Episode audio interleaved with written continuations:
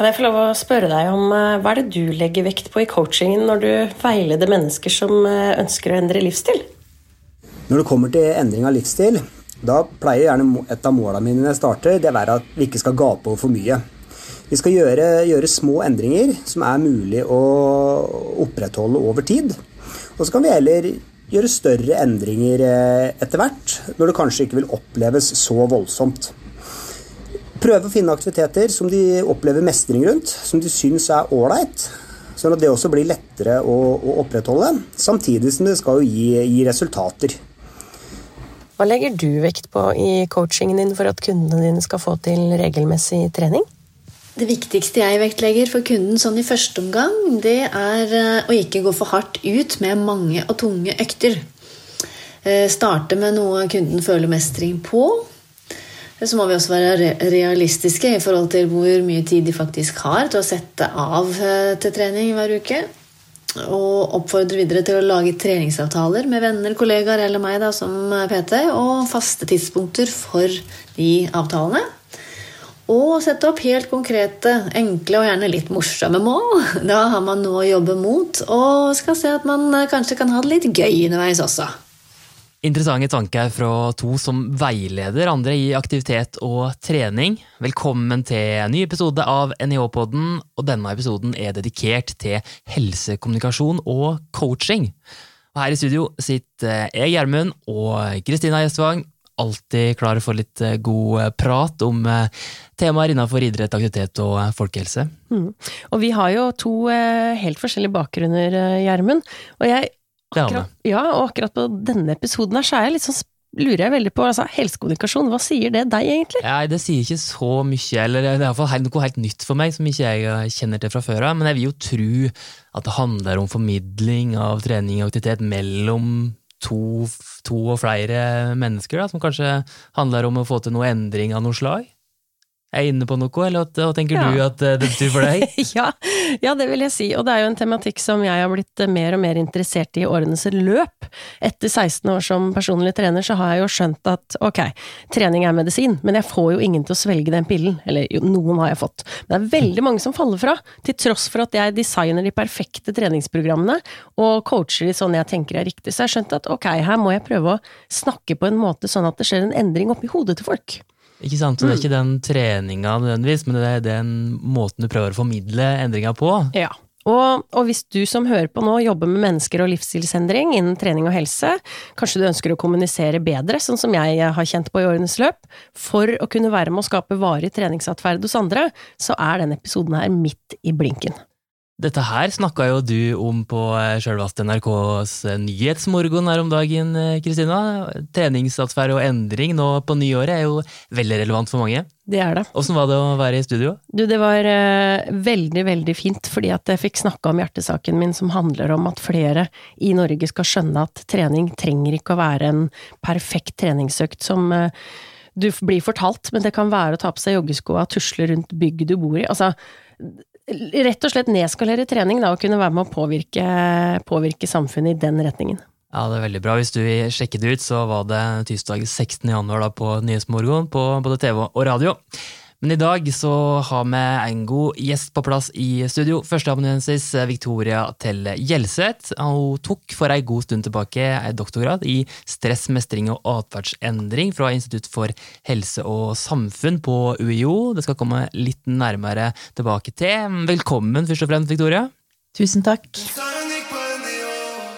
Og som forsker i over 20 år i atferdsendring, kommunikasjon, stress og mestring, så vil jeg også tørre å påstå at du, Victoria, er en av landets fremste på dette feltet, så vi har sett fram til eh, å få deg i NIH-podden for andre gang. Tusen takk, jeg gleder meg. Dette er min baby, da, så jeg syns det er veldig stas å kunne være her. Og så har jeg jo hovedfaget mitt fra idrettshøyskolen, ja. så jeg har liksom idrett veldig med meg i sjela mi. og to unger som studerer her. Oi, oi, det er et godt utgangspunkt.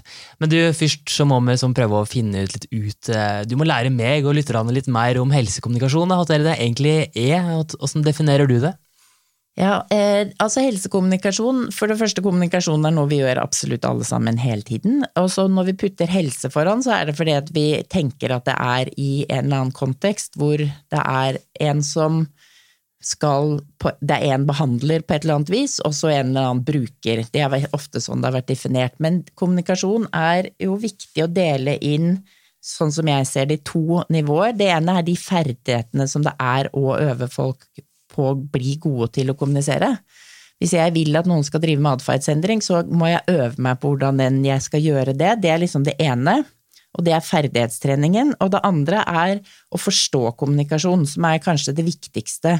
Hva skjedde når du har vært PT i veldig mange år, og de ikke, de ikke endrer atferd i forhold til at du faktisk kan trening og gjør alle de riktige tingene? Da må man skjønne hva er det som skjer i dette som handler om kommunikasjon, hvordan kan jeg fasilitere god kommunikasjon, hvordan kan jeg adressere kommunikasjon som ikke virker, og hvordan kan jeg legge til rette for å endre kommunikasjonsformer, sånn at det å skjønne kommunikasjon på to nivåer Så vi har ferdighetstrening, den er uavhengig av profesjonen på Oslo OsloMet. Om du er på master- eller bachelornivå, så er det samme type ferdighetstrening.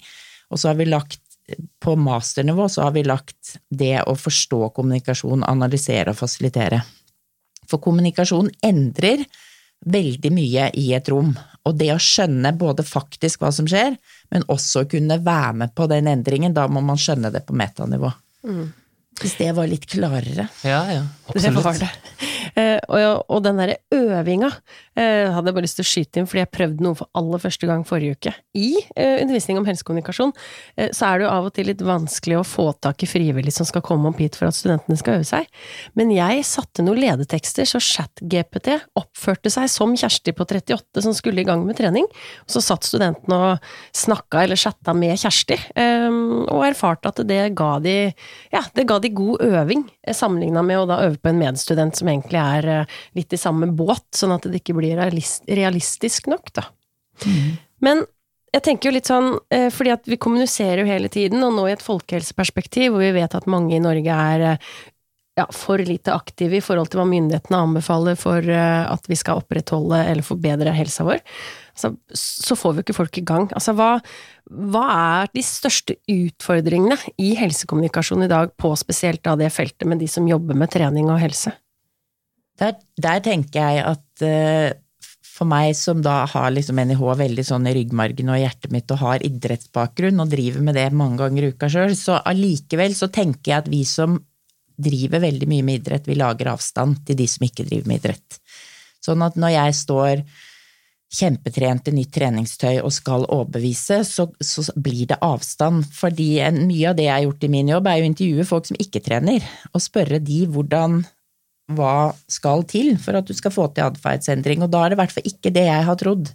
Det er ikke noe poeng at jeg ser veldig trent og veldig fitt ut, og at jeg er liksom veldig på plass selv. Det er mye, mye med Alle folk er, tro det eller ei, opptatt av seg sjøl. Mm. Sånn at man må finne ut hvor de er, og det er det det handler om. Det gjorde jeg i doktorgraden min, og det er det jeg har gjort i alle, tid, alle senere prosjekter. Um, jobbet med, funnet ut hvor er det mennesket jeg er foran meg. Og det krever en del ferdigheter knyttet til kommunikasjon, som jeg også prøver å ta inn på det NIH Aktiv når jeg er der og har undervisning, og skjønne hvilke ferdigheter kreves, for ferdigheter kan man øve på, men man har ferdigheter knyttet til kommunikasjon. Så da må analysere vi kommunikasjon på samme måte som eh, Karsten Warholm gjør det når han skal analysere hvordan han skal bli litt bedre til å øve på litt fortere på noe han allerede er veldig god på. Mm. Da, da, finner vi ut, vi bryter det ned, hva er det det handler om? Og så øver vi på de ferdighetene, men vi klarer ikke det uten at jeg er sammen med brukeren. Og det glemmer vi litt, for jeg tenker jo at jeg på et eller annet vis er jo et forbilde. Men jeg er ikke det fordi jeg faktisk som trenger det aller mest. Da kanskje lager jeg til og med mer avstand. Fordi det både er uoppnåelig, og fordi de er ikke spesielt interessert. For de tenker at med den livsstilen jeg har, så følger det så mye som gjør at de må kutte ut det som er kanskje det viktigste i deres liv. Så jeg tror at vi må bygge mye, mye mer bro med kommunikasjon enn det vi gjør. Jeg tror at vi i med god mening, virkelig med hjertet i hånda, har skapt mye avstand. Mm. Kristina, jeg har tenkt litt på det. Når du er i din situasjon som, eh, som trener, gruppetreningsinstruktør eller veileder på annet vis, så kan jo kanskje du framstå som en veldig sånn vellykka type, godt trent, eh, utdanna, fått, fått til ting. Kan det da være utfordrende for deg å formidle et budskap om å endre livsstil og gå ned i vekt? Ja, så jeg vil jo kunne tørre å påstå, uten at jeg egentlig har noe evidens bak det, men at jeg har jo tenkt spesielt de siste årene, at jeg tror at jeg har møtt og kanskje veileda individer som jeg, jeg bare av eh, hvem jeg er, kanskje har påført de enda eh, lavere mestringstro på at de selv skal få det til, fordi at og i hvert fall i en sånn kunderelasjon, da, så er det jo fokus på kunden, sånn at jeg gir jo ikke plass til å fortelle at jeg syns det er vanskelig, jeg må ta meg i nakken. Eh, altså, sånn at du, du får ikke delt eh, det mellommenneskelige mellom to mennesker som eh, kanskje sliter med det samme. Eh, fordi de bare ser på meg som en de har kjøpt tjeneste fra. Eh, på gruppetimer så prøver jeg i hvert fall og ha litt sånn fokus på der jeg kan nærme meg. Eh, syn, altså, syns jeg det er slitsomt, og at jeg er andpusten, så legger jeg ikke skjul på det. Da kanskje jeg puster litt ekstra og sier fytti katta, dette var vondt, dere. Mm. Um, for å liksom, ja, nærme meg uh, de jeg er sammen med og trener, da. Og så, og så er det en annen ting nå er det de siste årene kommet veldig tydelig frem at det aller viktigste for folks helse er sosial støtte og mestring. Det er liksom definert som én. Og for å få til det, så må hvert menneskemøte bestå av likeverd, handlingsrom, tilhørighet. Det er det Marmot som sier, og han hører vi på. Eh, og hvordan skal man gjøre det i en PT-møte? Hvordan skal hvert møte, ikke bare en gang iblant, men hvert eneste møte skal være verdighet, handlingsrom og tilhørighet. Det betyr at det skal være likeverd. Hvordan lager jeg likeverd i vår relasjon? Det prøver jeg å si til de studentene vi har på, på NIH Aktiv, at vi starter f.eks. en PT-konsultasjon ofte med å sitte ved et bord og snakke. Et intervju som er en rar ting. Hvorfor ikke sitte på hver sin bosuball og begge to strever med å holde balansen? Å snakke om ting, eller sitte på en sykkel, eller gjøre et eller annet aktivt som de faktisk kommer for, som ikke er så konfronterende. Hva skal man med all den informasjonen? Vi spør om en hel haug med ting som det viser seg at folk etterpå tenker ja, og så? Som bare også skaper avstand. Vi må gjøre det likeverdig. Og med det vi gjorde da jeg tok doktorgrad med de pakistanske kvinnene som vi hadde til sammen 480 kvinner i en eh, randomisert, kontrollert tiltak, var at vi satte oss ned, jeg satt rundt bordet, jeg hadde med meg mine unger, de hadde med seg sine unger, så snakket vi om når kjenner du på glede? Hva skal til for at du blir glad? Og det har vi også, det har jeg tatt med meg videre alt annet jeg gjør, når kjenner du på glede? Og så er det det vi bygger videre på. Det er ikke åssen treningen en liker fra før av, det er eh, Generelt i livet, hva skal til for at du kjenner på glede? Og, fordi, og jeg kom da, jeg begynte på den doktorgraden for snart 20 år siden, eh, og jeg kom jo da fra idrettshøyskolen og var jo helt sikker på at disse analfabete, uten jobb, eh, kvinnene som hadde vært i Norge i 20 år, alle var over på ekstrem overvekt, at de ikke hadde noen grunn til å være så veldig fornøyd. Men de var utrolig fornøyd med seg selv som foreldre. De mente at de var kjempegode mammaer. Hm. Og det snakket vi om, vi snakket bare om det. Og så snakket vi om de, hva de var stolte av. Vi snakket bare om det, seks klokketimer. Og de endret atferd. De begynte å trene. Jeg snakket ikke med dem om trening, de begynte å trene. Og det vi forklarer det med, er at hvis du snakker om noe annet enn det som er forventet, du får ned garden, du endrer fysiologien, det som heter biologisk psykologi, som er et viktig fag, det er at det skjer noe. Så de ble mindre bekymra, de mindre, eh, hadde mindre forsvar mot helsemyndighetene. De hadde i det hele tatt mindre forsvar mot det norske samfunn. Så selv om ikke vi hadde sagt et ord om det, så hadde de begynt å lese anbefalinger. De hadde begynt det da vi målte dem etter tre års oppfølging, og det var bare elleve som ikke møtte opp, så vi vet ganske mye om dem. Av de 480 så hadde de begynt å gå intervalltrening fire ganger fire i unnarenn i slalåmbakker i Oslo, Trondheim, Tromsø og Bergen. Jeg har ikke snakket ett ord om trening. Oi. Jeg har bare snakket med dem om det de kjenner på som er glede. Og det så vi at den den eh, intervensjonen holdt seg jo, de gikk ned i vekt, de ble mer aktive, de fikk jentene sine i idrett, de hadde lært seg norsk, de hadde begynt i jobb. Det var jo enorme resultater. Du må nesten gå litt mer inn på åssen du klarte det. Åssen tok du det videre da, når du snakka om åssen kjenner du på glede? Åssen gikk de samtalene videre for at de klarte å få til den endringa der, da? Det er det vi tror, da, og dette er bakgrunnen i Åge Inndal som liksom jeg, Da jeg begynte her oppe på idrettshøyskolen i 1990, så begynte jeg som Vittas for han da drev han med sin doktorgrad, og han skulle få langtidsuføretrygdede ryggpasienter tilbake i jobb. Og han skulle snakke med dem i én time var intervensjonen hans. Han snakket med 5000 pasienter, og de kom tilbake til jobb. Og alle tenkte at det kommer ikke til å gå, det kommer ikke til å gå. Men han ga dem tilbake troen på at du kan. alt er mulig. Og det klarte han på en time, og for meg var det stor kunst. Det var da dette ble vekket til meg. Tenkte at dette var underholdning på et nivå som jeg ikke har vært borti før. Sånn at jeg har tatt med meg det. At jeg skal gi folk muligheten til å kjenne på glede. De skal vite at de kan. Og da, når vi satt da rundt dette bordet med mine unger som løp rundt av de bitte små, og, dere, og, de kvinnene, så fikk vi snakket om hvordan det er å være barn, foreldre, hvor utfordrende det er å få i dem grønnsaker. Vi fikk snakket om at de syns det er vanskelig å gå ute når det er glatt, at de vil ha truger Nei, sånne, ikke truger, men Brodder. brodder. Vi fikk liksom snakket med dem om all mulig annen ting. De lurte på hva ranselspost var, de lurte på hva leirskole er. Vi fikk bare snakket om ting, så plutselig så brøt vi ned barrierene mellom det norske samfunnet og det livet de levde. Og det er det vi mener at det er veien som har skjedd, for når vi har intervjuet dem, så sier de at de hadde mindre behov for å holde seg på utsiden av det norske samfunn, de ble nysgjerrig. Da begynte det å liste seg inn, og tenkte liksom å ja, hva er det de driver med? Og så var det en eller annen som hadde fanget opp fire ganger fire-modellen fra NTNU. Det var ikke meg. Det er det som skjer. Når man faktisk blir lave, når blir høy på mestring og lav på forsvar, så åpner du deg for helseinformasjon. Det er sånn vi har forklart det, i hvert fall. Jeg syns jo, um, selv om jeg er forsker, så blir jeg jo veldig inspirert av uh, enkelthistorier, eller jeg kan nesten kalle det case-studier, men du har jo tidligere fortalt uh, i ulike uh, foraer som jeg har vært og hørt på deg og snakka med deg, om liksom noen sånne spesifikke hendelser som skjedde. Altså, ja. det var noen strikkepinner, og det er noen tåteflasker med cola.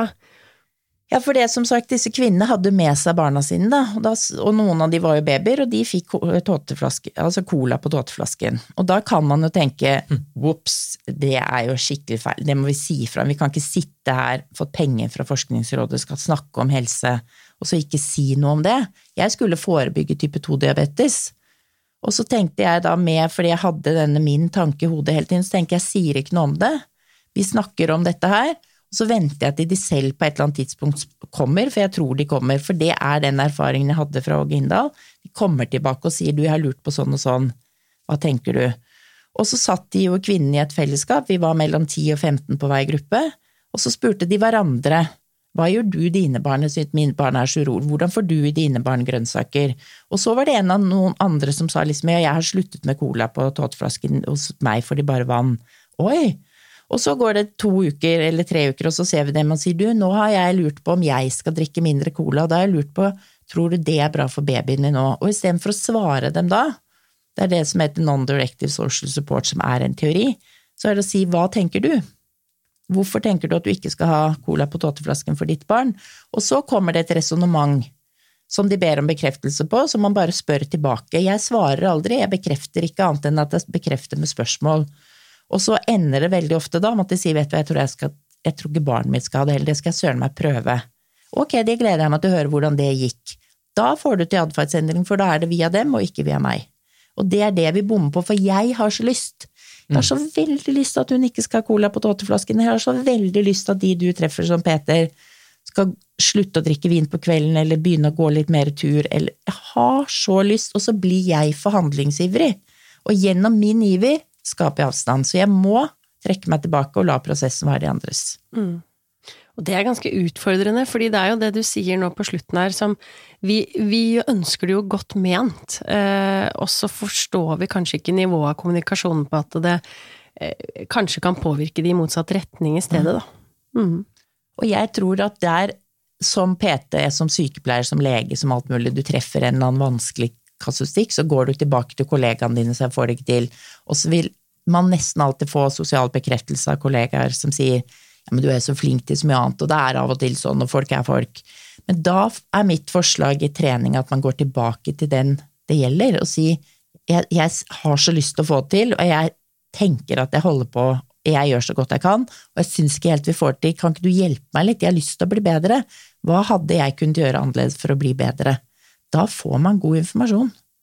Nei, for eksempel så får jeg vondt i knærne av knebøy, eller jeg er redd for å sitte på en sykkel, eller jeg orker ikke å få høy puls, eller hva enn det er, men vi må spørre dem, og det gjør vi nesten aldri, vi går alltid til noen andre, for jeg trenger også den støtten. Vi må hente støtte hos kolleger på andre vis, og så må vi gå til den det gjelder og si hvordan var denne timen for deg? Det høres ut som du er veldig god til å bygge relasjoner med dem eh, du jobber med. Det er jo kanskje litt sånn naturlig for noen mennesketyper, mens det er vanskeligere for andre, kanskje. Du har vært inne på det, men har du noen sånn konkrete tips til hvordan en kan bli eh, flinkere til å jobbe med relasjoner med, med kundene og klientene sine? Ja, For det første så tenker jeg det å bygge relasjon, hvis jeg hadde spurt deg, eller spurt Kristina hva er du god på, hun sier jeg er god til å bygge relasjon, hva er det? Mm for oss som er vant til idrett, det er ikke noe jeg kan ikke øve på det. Da må jeg bryte det ned. Hva handler det om? Hva er det som gjør at hun faktisk er god? Jo, så sannsynligvis så bryter man det ned når vi spør nok spørsmål, og jeg holder på lenge nok til at jeg spør, jeg lytter, og jeg anerkjenner. Og åssen type spørsmål du velger i, kanskje? Og det kan man øve på, for det er en ferdighet. Mm. Jeg kan øve på hva slags type spørsmål, sånn at hvis Kristina sier jeg har lyst til å bli bedre til å være PT, kan ikke du bli med meg? Så kan vi øve på i starten, de tre første spørsmålene, at de er sånn eller sånn, og så kan hun spørre brukeren eller kunden hvordan syns du det fungerte, jeg driver og øver meg. Og så må man øve på det, på samme måte som man øver på å bli god på alt mulig annet. Ferdigheten, men det vi nesten alltid snakker om i kommunikasjon, er resultatet. Jeg, vi ønsker å skape tillit. Ok, men hva er det? Hva består tillitsskapning av? Og hva betyr det å lytte? Vi sier at Det er jo ikke at jeg bare sitter helt stille, men grunnen til at jeg ser, det vet jo ikke de som hører på, jeg føler at dere lytter for dere har en årvåkenhet. Det kan jeg også øve på at kroppsspråket mitt virker interessert. Og, altså, og, da er det ikke så farlig om det er lukket eller åpent, det er ikke det det spiller for jeg føler at dere Jeg har en opplevelse av at dere hører. Men det kan man trene på, det er også en ferdighet jeg kan trene på, og jeg er veldig ofte god til å lytte ved å stille nye spørsmål. Hørte jeg riktig nå? Sa du, eller misforsto jeg det, at det er en måte også å lytte på og stille nye spørsmål. Så jeg er veldig opptatt av å ha med meg det fra idretten i alt jeg gjør, at vi må finne ut i hva som er ferdigheten, for det er den vi må øve på, ikke resultatet. Og ikke det de ikke får til. Og ikke det de ikke får til. Jeg syns også i dette vi skal øve på det vi er gode på, så blir vi bedre og bedre. Inspirerende. Mm, mm, det er det absolutt. Eh, nå har vi snakka litt om eh, ja, å bygge relasjon. Vi har jo snakket snakket på en måte om kommunikasjonsteknikker og eller det å kommunisere og bli bedre, men sånn helt til slutt så er jeg sånn nysgjerrig på om vi klarer å konkretisere det, hvis vi liksom skulle ha gitt lytterne våre to konkrete kommunikasjonsteknikker de kunne ha begynt å øve litt på, da. Altså, hva, hva tipser du om da? Eh, jeg tipser om Altså, jeg sitter jo i Helsedirektoratet og har ansvaret for å lage nasjonale retningslinjer for kommunikasjon, og da er det spørre, lytte og anerkjenne som er liksom hovedgreia. Og det er mitt tips. Det er å øve seg på å stille gode spørsmål, og så faktisk høre på hva folk sier med en bekreftelse. Og vi vet at gjennomsnittlig så avbryter vi hverandre etter 17 sekunder. Så Oi. faktisk å høre. Hva var det du sa? Mm. Og da må du høre alle de andre tingene òg, si at jeg kom for sent i dag fordi at jeg har ikke bil. Å ja, det betyr at du har ikke bil, da er det ikke sikkert vi skal legge opp til en time klokka fem, Nei. som er midt i rushen, eller hva enn det er. Alle de ting som ikke blir sagt, er også noe å høre etter. Og det må man si, forstår jeg det riktig nå, det er et tips, det er noe å øve på det, og så må man be noen å høre på seg. Mm. Hvordan syns du jeg var? Jeg driver og øver meg, hvordan fungerte det? Jeg pleier ofte å si til studentene våre også at du må øve på å tåle stillhet. Sånn at ikke vi ikke avbryter. At det, det, er lov at det er litt stille, sånn at vi kan sitte og fordøye begge to. Eh, jeg må fordøye hva jeg har hørt, men at jeg også gir på en måte klienten eller pasienten tid også til å reflektere eh, rundt hva vi har snakka om, da. Det kan jo være litt vondt. Ja. Det er veldig vondt. og så en siste ting fra min side, i hvert fall, det er jo også å si hvordan vi har det. Å Si at jeg kjenner at jeg syns dette er litt vanskelig jeg har så utrolig lyst til å få til, og så lurer jeg litt på om dette handler mer om meg enn om deg. Si de tingene vi syns er vanskelig òg. Si det at eh, nå har vi lagt opp sånn og sånn opplegg, jeg er ikke helt sikker på om det har fungert, jeg trenger dine innspill på det, altså, for jeg kjenner nå at jeg syns dette har blitt trøblete. Jeg må tørre å være litt, for da blir det likeverd, handlingsrom og tilhørighet. Tørre å by litt på seg sjøl og sine svakheter, er det et tips? Ja, og, og, si hvordan det er. Typisk si vet du hva, dette er litt nytt for meg, eller jeg har ikke gjort det før, eller jeg syns dette er vanskelig, eller jeg øver meg, eller nå syns jeg ikke det gikk bra. Du er litt, for da blir det likeverd. Mm, mm. Da blir det øyehøyde. Må vi ikke så vidt inn på sosiale medier òg, Kristina, som mm. Eh, veit veldig mange bruker, både for å markedsføre seg sjøl, men òg mange har vel digitale møter med, med klienter. Eh, har du noen tips der, åssen drive helsekommunikasjon eh, digitalt? Det samme? Ja, tenker det er det samme. Vi gjorde jo det i hele pandemien. Mm. Syns ikke det har vært så veldig stor forskjell. Nei. Men da krever det jo litt mer årvåkenhet, for kroppsspråket er jo ikke så til stede, da. Men da kan man jo også si det, at nå er, siden jeg ikke ser det, så trenger jeg være enda varere på hva du sier, så nå må jeg spørre opp igjen noen ganger, for jeg kjenner at jeg blir litt mer usikker på om jeg forstår deg rett siden jeg ikke ser det. Men, mens alle de tingene som vi tenker inni hodene våre, de glemmer vi å si. Det er jo derfor vi ofte klager på doktoren. Hadde han sagt nå gjør vi dette fordi at og jeg hadde tenkt å gjøre sånn, men det ble sånn, og så kom jeg ikke fordi at det kom en annen istedenfor, så hadde vi ikke blitt så irritert at vi satt to timer og ventet. Men poenget er at vi vet ikke noe. Alle de gangene vi ikke vet, så blir man ofte irritert. Så si alle, alt som foregår av sånne ting, gi informasjon om det. Du nevnte strikkepinner i stad, Kristina. Jeg har lyst til å få med et eksempel til fra Victoria. Eh, Du møtte Det var ei som var på et kurs om overvekt, var det det? Ja, vi har hatt et prosjekt hvor vi har eh, tatt vår overvekt, nå lager jeg sånne hermetegn, eh, vår overvektsintervensjon opp mot den som er liksom den vanlige, og da er det ti kurskvelder, to timer, og det vi gjør på vår første kveld, er jo det som jeg alltid gjør, å spørre om hva, når blir du glad? Og så sitter man rundt et bord, og, og folk syns jo det er vanskelig. Vi hadde en ung jente, og dere ser det jo for dere, er, hun har langt hår, ofte store gensere, de, de kommer ikke inn med brystet først, de på de kursene der, for å si det sånn. De er ganske sånn lute i skuldrene og ser ned.